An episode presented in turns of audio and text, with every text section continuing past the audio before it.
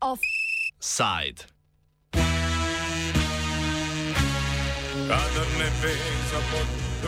Davčni da kapo.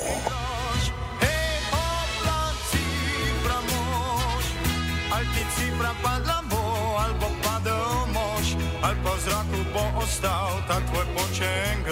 Kadar ne Ministrstvo za finance pod vodstvom ministra Andreja Širclja je pred dobrim tednom predstavilo predloge več zakonov na področju davčne zakonodaje. Vladna koalicija je spremembe na enem od štirih prednostnih področji, ki jih namerava do konca mandata prevetriti, označila za ključne, saj naj bi spodbujale konkurenčnost na slovenskem trgu ter pripomogle k želenemu gospodarskemu razvoju Slovenije. Poljudno imenovana Šircljeva davčna reforma naj bi po besedah vlade temeljito razbremenila srednji razred ter omogočila razcvet slovenskega gospodarstva. Kritiki davčne reforme, med njimi seveda opozicija, pa opozarjajo, da gre pri posegu v davčno zakonodajo za obobožanje javnih financ na račun davčne razbremenitve delodajalcev, podjetij in premožnejših državljanov Slovenije. Kadar ne ve za pot. Ravno slednjim najbolj ugaja uvedba socialne kapice v sklopu zakona o debirokratizaciji, ki ga je vlada sprejela marca. Socialna kapica posega v zakon o prispevkih za socialno varnost. Namreč posamezniki z bruto plačo višjo od 6000 evrov bi bili oproščeni plačevanja sorazmernih prispevkov za socialno varnost. Nad plačo višjo od meje, ki so jo postavili vladni finančniki, pa se obračunavala le akontacija dohodnine. Ali pa v zraku bo ostal ta tvoj počen grož. Predloge zakonov, združene v imenu davčna reforma, je Ministrstvo za finance poslalo v medresorsko usklajevanje in službi vlade za zakonodajo. Ob njihovem sprejetju bi se dvignila splošna olajšava, ki je odvisna od skupnega letnega dohodka in sicer z 3500 evrov na 7500 evrov, kar bi vlada postopoma uvajala do leta 2025. Poleg splošne olajšave bi se znižala davčna stopnja za peti dohodninski razred z 50 na 45 odstotkov. S premembami zakona o dohodnini bi se znižala tudi stopnja dohodnine od dohodka iz kapitala, pri čemer bi bili ti vključeni v letno davčno osnovo in s tem rentabilni. Na potaknjence v davčni reformi, ki bi večinoma koristili premožnejšim, opozarja sociolog Marko Kržan. ta tako imenovana reforma je v resnici v celoti to, če ste vi rekli, potaknjenec. To, ta famozni gospodarski razvoj je izgovor za eh, povečanje dohodka uh, najbolj privilegiranim slojem v družbi, recimo menedžmentu, nosilcem kapitala, del teh najbolje plačanih javnih uslužbencev in to na škodo vseh ostalih, uh, ki smo pač odvisni od države in zlasti od njene socialne uh, funkcije. Ne. Če pogledate te ukrepe, ki so predlagani, boste videli, da recimo socialna kapica ne, bi koristila približno enemu odstotku uh, ljudi z, v, v Sloveniji, ne, zelo visokimi plačami nad 6000 evrov. Tisto znižanje najviše davčne stopne iz 50 na 45 odstotkov bi recimo koristilo samo trem promilom zavezancev v Sloveniji, ne, tistih, ki imajo res visoke plače, preko 8 tisoč evrov, ne, ki jih je zelo malo. In celo vse ostalo, kar je tukaj notri, ne, je tako narejen, da daje sicer nekaj malega tudi delovnim ljudem, ne, ampak veliko več ne, daje pa tisti z najvišjimi plačami. Tak primer je recimo splošna olešava ali pa dohodki od kapitala. Uh, s, lahko da tudi kakšno upokojenec, kakšno delnico bo malenkost, malenkost na boljše za par centov ne, ali pa par deset centov, uh, ampak treba vedeti, da je zelo koncentrirano lasništvo kapitala, tako da 60% dohodkov od kapitala dobi 1% ne, najbogatejših ljudi. Oni bodo imeli neko utepljivo korist od tega, vsi ostali pa praktično ne. ne. Splošno rešava pa ista zgodba. Ne. Uh, pri neki plači 10 tisoč evrov je to skoraj dvakrat več, ne, kot če je to neka poprečna plača. Tako da um, ne se slepiti. Ne. Ta gospodarski razvoj je pač samo pretveza, medtem ko ta resnični učinek te reforme je prerazdelitev uh, dohodka, bogatstva uh, od družbe kot celote, ne, ker smo mi pač lastniki države, če tako rečem, k uh, naj, najbogatejšim, najpremožnejšim slojem. Davčna reforma naj bi po mnenju vlade spodbudila gospodarski razvoj in na slovenski trg pripeljala visokotehnološka podjetja ter prav tako povečala interes za vlagatelje. Vladnim obljubom o širitvi visokotehnološkega trga na vkljub, kar Žan ponazori, da gre zgolj za neutemeljene trditve. Um, to, da bi z zniževanjem davkov za najbogatejše spodbujali tehnološki razvoj, enostavno pač ne pije vode. Celo če bi, pa ne, ta reforma recimo nekaj znižala eh, stroške dela pri teh najvišjih plačah, ne, bi to težko bil faktor. Uh, kar lahko recimo ponazorimo na primeru Leka in Novartisa. Ne. Lek je imel pred časom uh, neko investicijo na prevaljah, da bi se tam proizvajali uh, uh, antibiotiki, ker se že, da bi se ta proizvodnja tam širila in je država tudi namenila subvencijo za ta nov obrat. Uh, čez nekaj mesecev je, to je delal Lek, ne, čez nekaj mesecev je Novartis, ki je nadrejena grupacija, ugotovil, da se to ne splača in je najprej odpovedal to novo investicijo, za katero je bil denar eh, slovenski javni ne, eh, eh, namenjen in ne samo to, hkrati povedal, da bo čez par let zaprl nasploh celotno proizvodno na preveljah in jo prenesel na Tirolsko, če se namotim. Ne. Kaj nam to kaže? Skratka, prenesel jo je v državo z bistveno višjo delovno, ceno delovne sile, kot je v Sloveniji.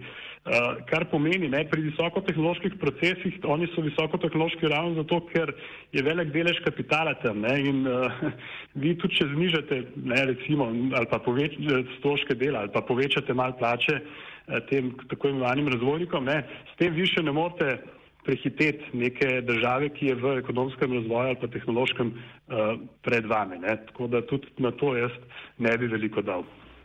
Danes tja in jutri to.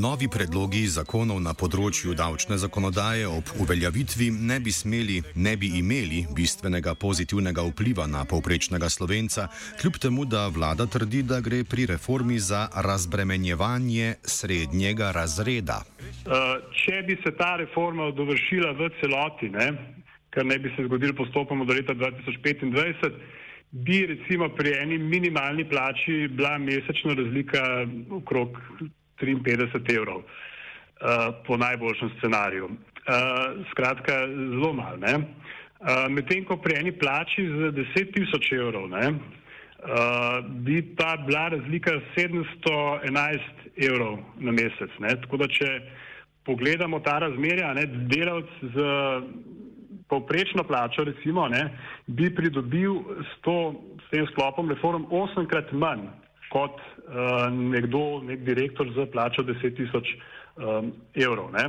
Tako da bolj, ko greste gor po dohodkovni lestvici, uh, seveda uh, velik, viš, višji je, je učink te, te, te reforme za nekoga, ki uh, bi za, za, za različne upravičence. Tako da lahko upravičeno rečemo, da je to uh, reforma, ki je pisana na kožo um, premožnim slojem, torej temu, kar imamo kapitalističnega razreda pri nas in mogoče delo malomeščanstva, ki, ki je res v teh najvišjih dohodkovnih razredih, recimo v državnih podjetjih, poslovodstva, del zdravništva, vse ostalo je pa to privatni sektor, v glavnem tudi v tuji lasti, ker večina tega domačega ne, sektorja je, pač je, je v, v nižjih, v teh panogah, kjer so, kjer, kjer so, kjer so visoke plače bolj, bolj redke.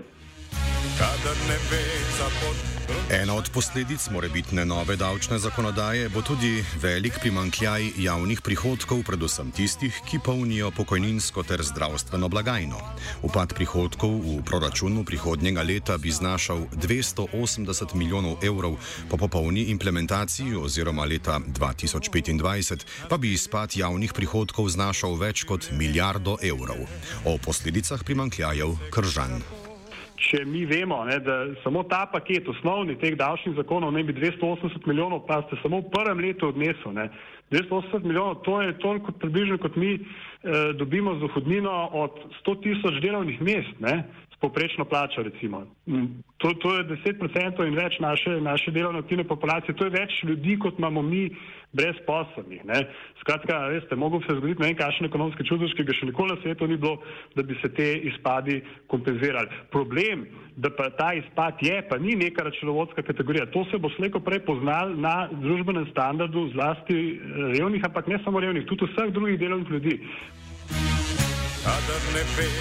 Predlog zakona o dohodnini znižuje davčno osnovo v višini 1500 evrov za starejše, kar so v vladi poimenovali kar seniorska olajšava. Slednja pomeni, da bodo imeli starejši od 70 let neobdavčen dohodek od 1433 evrov mesečno. Znižuje se tudi stopnja dohodnine od dohodka iz kapitala 27,5 odstotka na 25 odstotkov ter od dohodka iz oddajanja premoženja v najem 27,5 odstotka na 15 odstotkov. Marko Kržan razloži, da bo nižja stopnja koristila premožnejšemu razredu, v navadi katerega je, da zvito obide davčno zakonodajo. Kaj pa da? Ne, dohodke od kapitala ali pa od premoženja imajo predvsem tisti, ki imajo to premoženje in ta kapital.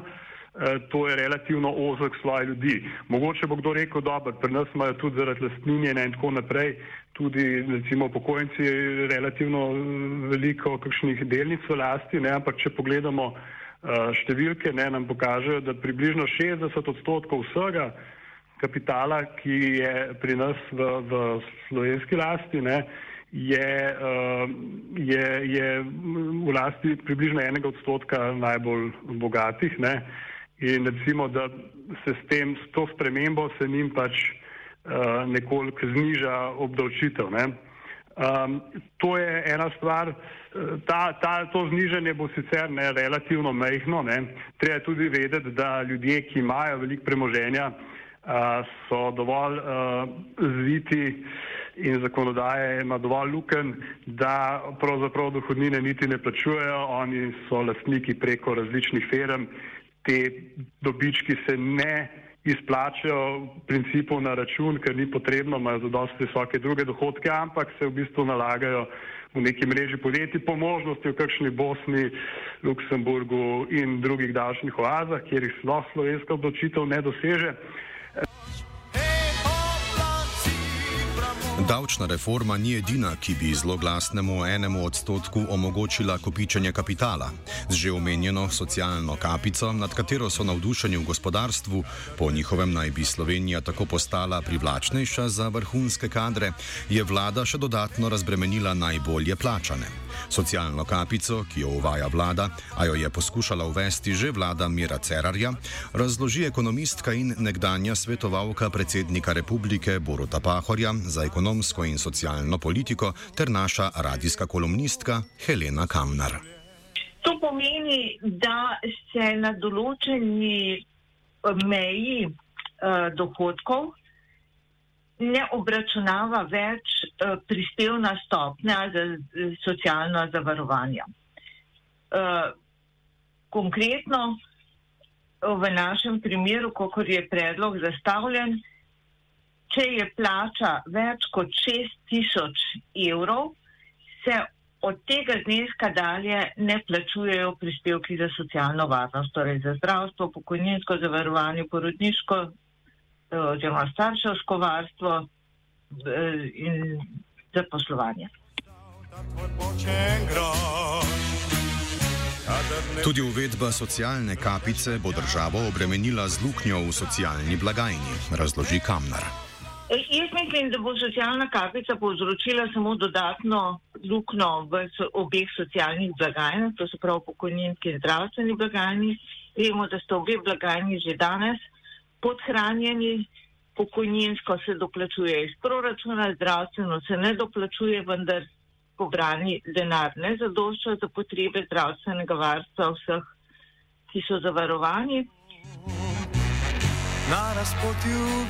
Javne finančne posledice socialne kapice bodo sicer manjše od tistih, ki bi jih povzročila davčna reforma, a bodo prizadele predvsem delovanje javnega zdravstva. Uh, ocene so različne. Ne? E, ene ocene so tiste, ki jih dela vlada in te pravijo, da je uh, zmanjšanje eh, zelo majhno, ker mislim, da je njihova ocena celo pod 100 eh, milijonov evrov. Eh, če je temu res tako, je moja ocena posledic eh, na vse ostalo toliko bolj utemeljena.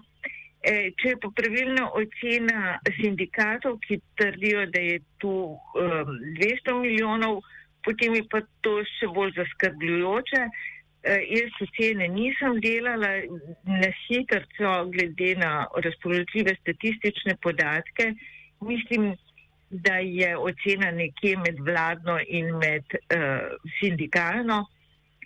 Uh, ampak ne glede na to, Eh, mi imamo zlasti zdravstveno blagajno v minusu. Oziroma, nimamo v dejanskem minusu, ker kot, pos, kot posledica fiskalnega pravila je vedno v ravnotežju. Ampak dejstvo je, da tam premalo denarja za financiranje vseh potreb, ki izhajajo iz obstoječe scheme zdravstven, obveznega zdravstvenega zavarovanja. In če tu še dodatno zmanjšamo potem je seveda to zelo slabo. Da šaltja, alto, vrsi v zrak in grož. Vlada načrtuje, da bi izpad javnih financ kompenzirala z večjo potrošnjo in zaposlenostjo, a gre po mnenju Marka Kržana zgolj za brezpomenske napovedi, ki bi se lahko preobrazile v zadolževanje in s tem kasneje v reze v socialno varnost ter pravice. Kržan razloži, da je bolj kot nova davčna reforma potrebna rekonstrukcija slovenskega davčnega sistema. Najbolj smotrno je, da se ta tako imenovana reforma eh, ne izvede um, ampak da se razmisli o uh, nasprotnih stvarih, o korekcijah našega davčnega sistema. Ker če mi naš davčni sistem primerjamo ne z nekim idealom, ampak že s tem, kar je recimo vem, v eni Avstriji ali pa na poprečju Evropske unije, vidimo dve glavni stvari. Prvo je kapital in uh, premoženje prispevata zelo malo k našim skupnim prihodkom. Ne? Skratka, tukaj je. Uh, rezerva, če tako rečemo, ne, eh, pri obdočitvi kapitala in premoženja še precejšna. Eh, druga stvar, imamo izjemno visoko obdavčitev potrošnje, ne? torej tiste davke, ki pa zelo nesorazmerno udarijo večino nas, delovnih ljudi, upokojencev, zlasti pa najrevnejše ljudi, ne? tiste davke imamo mi visoke, pa trošarine imamo mi visoke, če, če se primerjamo recimo z nekim poprečjem EU ali pa z neko Avstrijo. Ne. Tako da, če že bi kdaj razmišljali ne, o nekem tako imenovanem razbremenjevanju, bi bilo treba te druge uh, davke uh, zmanjšati. Kar se tiče pa kompenzacije, je pa to del te bajke, ne, ki jo pripovedujejo vlada in neoliberalci. Paste, to, kar zdaj vlada dela v Sloveniji, ne, je že daleč od trendov, recimo tako zvanem razvitem svetu ali pa kapitalističnem centru, ne, kjer zdaj govorijo o tem, da je treba zelo bogataši, ne pravijo, da jih je treba obdavčati in tako naprej. Ne. E, se ta agenda, ne, ki ima SDS in njena sedanja vlada, je, je to je v Latinski Ameriki se so počeli v 70-ih letih prejšnjega stoletja ne? in z znanimi rezultati. Rezultat je bil samo siromašene države in noben razvoj. Zato pravim, da bi bilo tako reformo treba pač absolutno v kali za tretji nastaviti. Yep.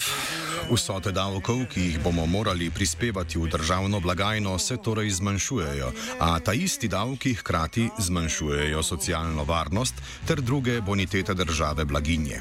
O tem, kako visoki bodo, pa bodo po obravnavi na delovnih telesih odločali poslanci na Šubičevi.